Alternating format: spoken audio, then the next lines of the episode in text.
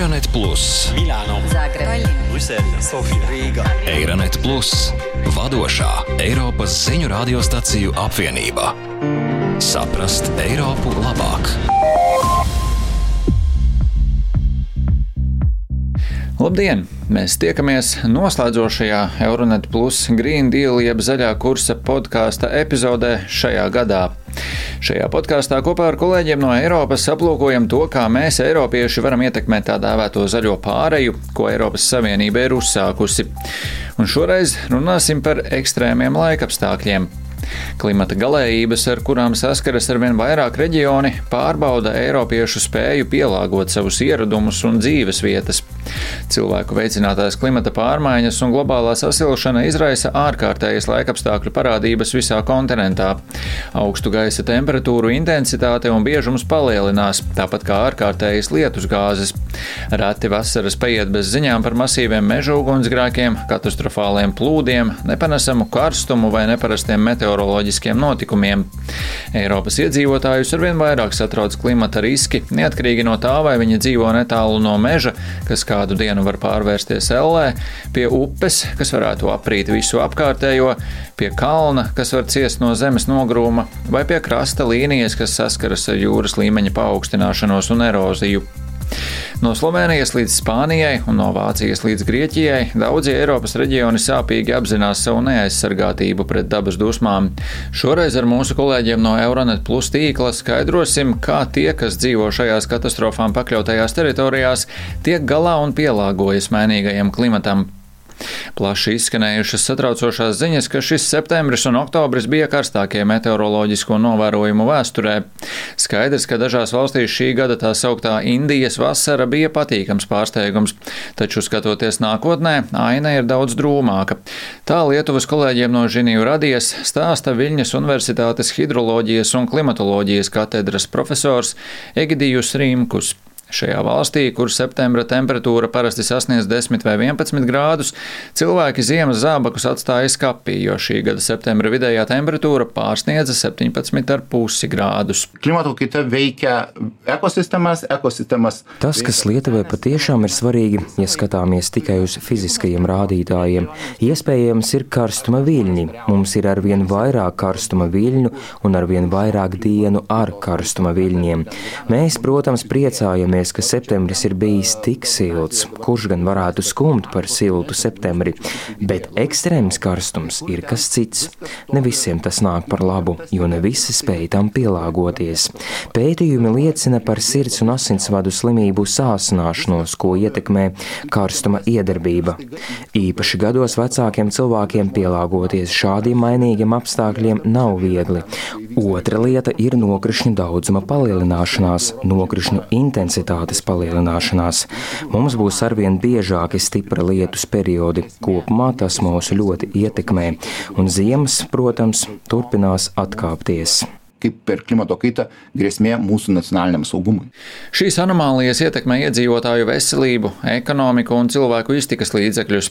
Saskaņā ar ārkārtas notikumu datubāzi 2022. gadā vien šādi notikumi izraisīja vairāk nekā 16 tūkstošu nāves gadījumu visā Eiropā un tiešā veidā skāra 156 tūkstošus cilvēku. Pielāgošanās šiem jaunajiem draudiem ir sacensība ar laiku.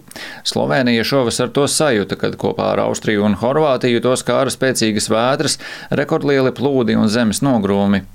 Slovēņu klimatologs Lučka Kaifejs Bogatais mūsu kolēģiem no RTV Slovenija skaidro, ka atskatoties uz pagātnes klimata prognozēm, tās ilustrē to, ka pārmaiņu temps ir bijis daudz ātrāks nekā gaidīts. Zime so zelene v dolini in bodo vedno bolj zelene tudi v. Šī ir problēma, par kuru mēs, klimatologi, brīdinām visus. Klimata pārmaiņas ir pātrinājušās. Diemžēl tas notiek ātrāk un notiek plašāk. Protams, plūdi mums nebūs katru gadu, sausums nebūs katru gadu, taču šo abu parādību iespējamība pieaug eksponenciāli. Mums noteikti ir jābūt labi sagatavotiem šai jaunajai realitātei, lai kaitējums nebūtu tāds, ka apdraud mūsu dzīves kvalitāti mobilitāti vai ekonomiku. Faktiski 40 gadu periodā no 1980. līdz 2020. gadam dabas katastrofas Eiropas valstīm izmaksājušas vidēji 12 miljārdus eiro gadā, tā liecina Eiropas komisijas dati. Tālāk uz dienvidiem mēs uzklausām Jose Mendešu, Coimbras Universitātes sociālo pētījumu centra riska novērošanas centra koordinatoru. Mendešs stāsta kolēģiem no Radio Renašenca, ka Portugāles iedzīvotāju sadalījums ir vēl vairāk sāsinājis ar klimatu saistītos riskus. Portugāles teritorija kopumā ir ļoti neaizsargāta, jo tā ir maza, taču novērojam dažādus riskus, sākot no plūdiem līdz sausumam, kastuma viļņiem, augstuma viļņiem ar teritoriālām variācijām. Tā ir ļoti sensitīva. Iedzīvotāji ir ļoti koncentrēti sensitīvās teritorijās, un pilsētu izplešanās ir notikusi plūdu zonās un apvidos, kur notiek zemes nogruvumi. Cilvēkiem, kas pārcēlās no laukiem uz pilsētām, iepriekš nebija nekādas pielāgošanās spējas, bet tagad viņi ir pielāgojušies. Bet šī iedzīvotāju maiņa ir atstājusi tukšu zemi, kas ir ļoti neaizsargāta. Un piekrastē, kas ir pārpildīta, jo aptuveni 80% iedzīvotāju dzīvo piekrastē, šie cilvēki dzīvo apgabalos, kas ievērojami palielina viņu ievainojamību. Piekrastes zonas, meži, upes, daži reģioni ir īpaši sensitīvi pret ekstremāliem laikapstākļiem. Tā kā Eiropa gatavojas nākotnē saskarties ar vairāk šādu problēmu, visām Eiropas Savienības dalību valstīm ir jānovērtē riska reģioni un jāapsver, no kurām teritorijām izvairīties vai kur pasargāt no dzīvojamo māju būvniecības. Tiberiju Kiričešs ir aizsargājamo teritoriju fonda Propārka izpildirektors. Šis fonds atrodas Brašovā, Rumānijas centrālajā daļā. Kolēģiem no Radio Rumānijā viņš norāda, ka Rumānijai vajadzētu apsvērt iespēju izslēgt noteiktas teritorijas no apbūves, ņemot vērā, ka daudzas ēkas šādās teritorijās faktiski tikušas uzceltas nelikumīgi. În arile protejate din România, una dintre Rumānijas aizsargājamās teritorijās viens no lielākajiem biotopu apdraudējumiem ir civilā būvniecība. Daudzas no šīm ēkām ir uzceltas nelegāli vai tikai daļēji legāli un vēlāk kļūst legālas. Taču šī procedūra būtībā paver durvis tālākiem pilsētvidas attīstības projektiem, piemēram, tā sauktiem pilsētvidas attīstības plāniem, zemnieku saimniecībām vai mazām rūpnīcām, kas parādās apgabalos ar lielu dabas vērtību. Kad šīs ēkas ir uzbūvētas, cilvēki pie tām pierod. Un tagad klimata pārmaiņu dēļ nokrišņu biežums, vētras, būtībā ūdens daudzums pieaug ar katru gadu, un spiediens uz pamata infrastruktūru ir daudz lielāks. Mēs bieži redzam šīs aplūdušās teritorijas televīzijā un domājam, ka tās ir dabas katastrofa, bet mēs aizmirstam, ka pirms laika kāds šajā teritorijā, kur vajadzēja aizsargāt, veica būvniecības darbus. din zone umede decât să se construiască ceva acolo. Iepriekšējā epizodē mēs redzējām, ka dabas atjaunošana un bioloģiskās daudzveidības saglabāšana, jo īpaši mežos vai mitrājos, nodrošina dabisku aizsardzību pret klimata pārmaiņām. Tomēr tas nenozīmē, ka visas riska zonas ir sistemātiski jāatstāj dabas atjaunošanai. To atzīmē Daniela Spicičīno, Itālijas vides aizsardzības un pētniecības institūta inženiere un pētniece. Institūts sniedza tehnisko atbalstu, kad plūdi šī gada maijā skāra Itālijas ziemeļus. Šeit ir divas pamata pieejas. No vienas puses noteikti tā ir pilsētplānošanas sadaļa, tātad nulles augsnes patēriņš, atsevišķu teritoriju renaturalizācija. No otras puses, no mazināšanas viedokļa ir jāveic struktūrālas iejaukšanās, lai samazinātu šo parādību ietekmi teritorijā. Šī iejaukšanās var būt balstīta dabiskos risinājumos, tāpēc tiem nevienmēr ir liela ietekme, bet tie dod zemē brīvu vietu un spēju tikt galā ar šādiem notikumiem, piemēram, atvēlot teritorijas dabīgiem plūdiem un piešķirot kompensāciju. Ir skaidrs, ka mēs labprātāk appludinātu lauksaimniecības zemi, vienojoties ar zemnieku un pasakot viņam, skat, kad ir nelabvēlīgi laikapstākļi, lai netiktu iznīcināta pilsēta, labāk, lai tava zeme aplūst, bet mēs tev par to izmaksāsim kompensāciju. Durante gli eventi si riducano gli effetti dei danni. Spicičīno arī iesaka nestruktūrālus pasākumus, tostarp uzraudzību, brīdinājumus un iniciatīvas, lai palielinātu izpratni un sniegtu informāciju par gaidāmajiem laikapstākļiem. Direi. Nel senso che noi abbiamo Ja esmu pilsonis, kurš dzīvo ēkā vai kuram pieder rūpnīca vai veicu saimniecisku darbību augsta hidrauliskā riska zonā, tad, kad pienāk brīdinājums par laikapstākļiem un vispār arī ikdienā, man ir jāpielāgo sava uzvedība. Gan ikdienā, gan izņēmuma situācijā. Man ir jāzina, piemēram, ja ir brīdinājums par laikapstākļiem, ka es tajā laikā nebraukšu ar savu automašīnu ārā no garāžas. Ja man ir rūpnīca augsta hidrauliskā trausluma zonā, man būs jāveic virkne pasākumu, lai samazinātu šo laikapstākļu ietekmi uz manu ražošanu. Tāpēc šī izpratne un zināšanas ir jānodod visvairāk pakļautajām kopienām, lai nodrošinātu, ka notikumu laikā tiek samazinātas kaitējuma sekas. Faktiski šādas izpratnes veidošanas iniciatīvas ir būtiskas, ja vēlamies mudināt kopienas un individus aktīvi piedalīties klimata noturības un pielāgošanās procesā. Atgriežoties Portugālē, Jose Mendes stāsta, ka vietējām varas iestādēm ir galvenā loma cilvēku attieksmes un uzvedības mainīšanā, taču tās nevienmēr sasniedz mērķi. Sem ser uma receita, porque isto é difícil, não é? Não. Gandrīz visām varas iestādēm ir pielāgošanās plāni klimata pārmaiņām, taču tie ir ļoti institucionāli. Tie ir izstrādāti, lai sasniegtu institucionālos mērķus, nevis patiesi mainītu uzvedību vai mobilizētu cilvēkus. Não, não, não temos a referência. Tagad dosimies uz austrumiem, uz Bulgāriju, vēl vienu valsti, kurai šogad nav klājies viegli. Vētra Daniela septembra sākumā tur izraisīja lielus plūdus. Šie plūdi ir vairojuši Bulgārijas pilsoņu izpratni par šo problēmu. Tā kolēģiem no Nacionālās raidorganizācijas BNR skaidro geogrāfs Emīls Gačevs. Nākamais izaicinājums ir iemācīt cilvēkiem, kā rīkoties saskaroties ar tiem. Pareizai rīcībai ir divas puses.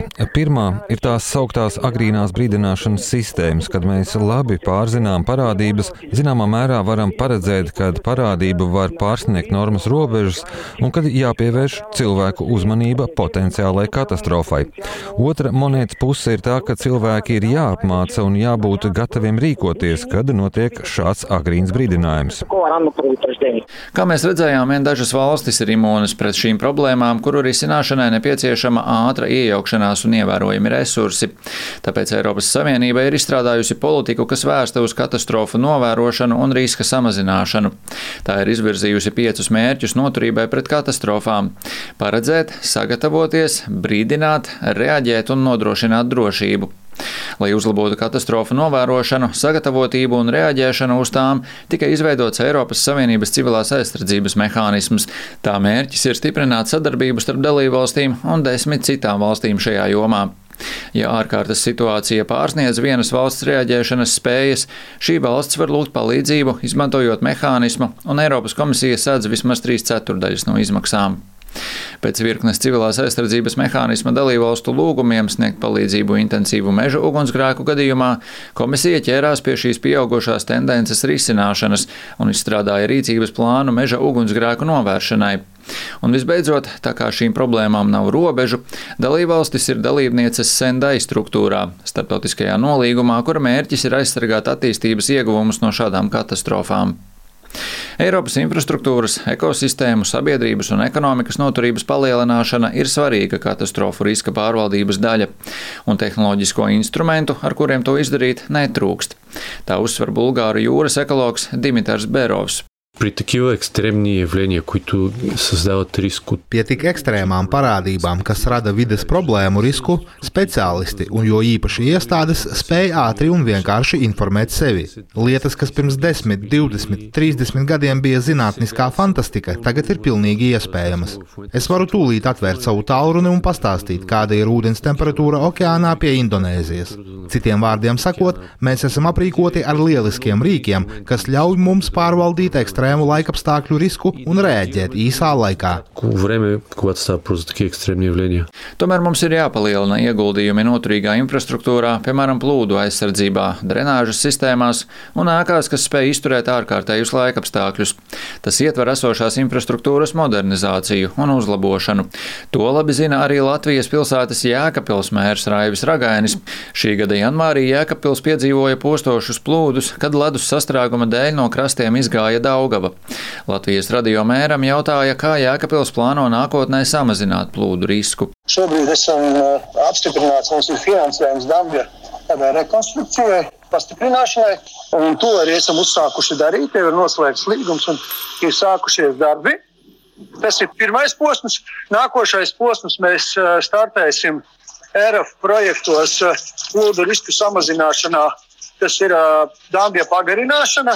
Nu, un nākošais tāds Viņš ir gan dažās vietās, gan īstermiņa, gan nākotnes redzējums, ir ielu tīklu taisīt ar noteiktu augstumu atzīmi līmeni, kurš tādā veidā aiztur šo ūdens plūšanu. Ja? Jo, ja mums, piemēram, dambim aiziet pāri, tad pie noteiktas augstuma atzīmes tur aplūst ļoti ātri, tur vecpilsēta un viss pārējais. Ja?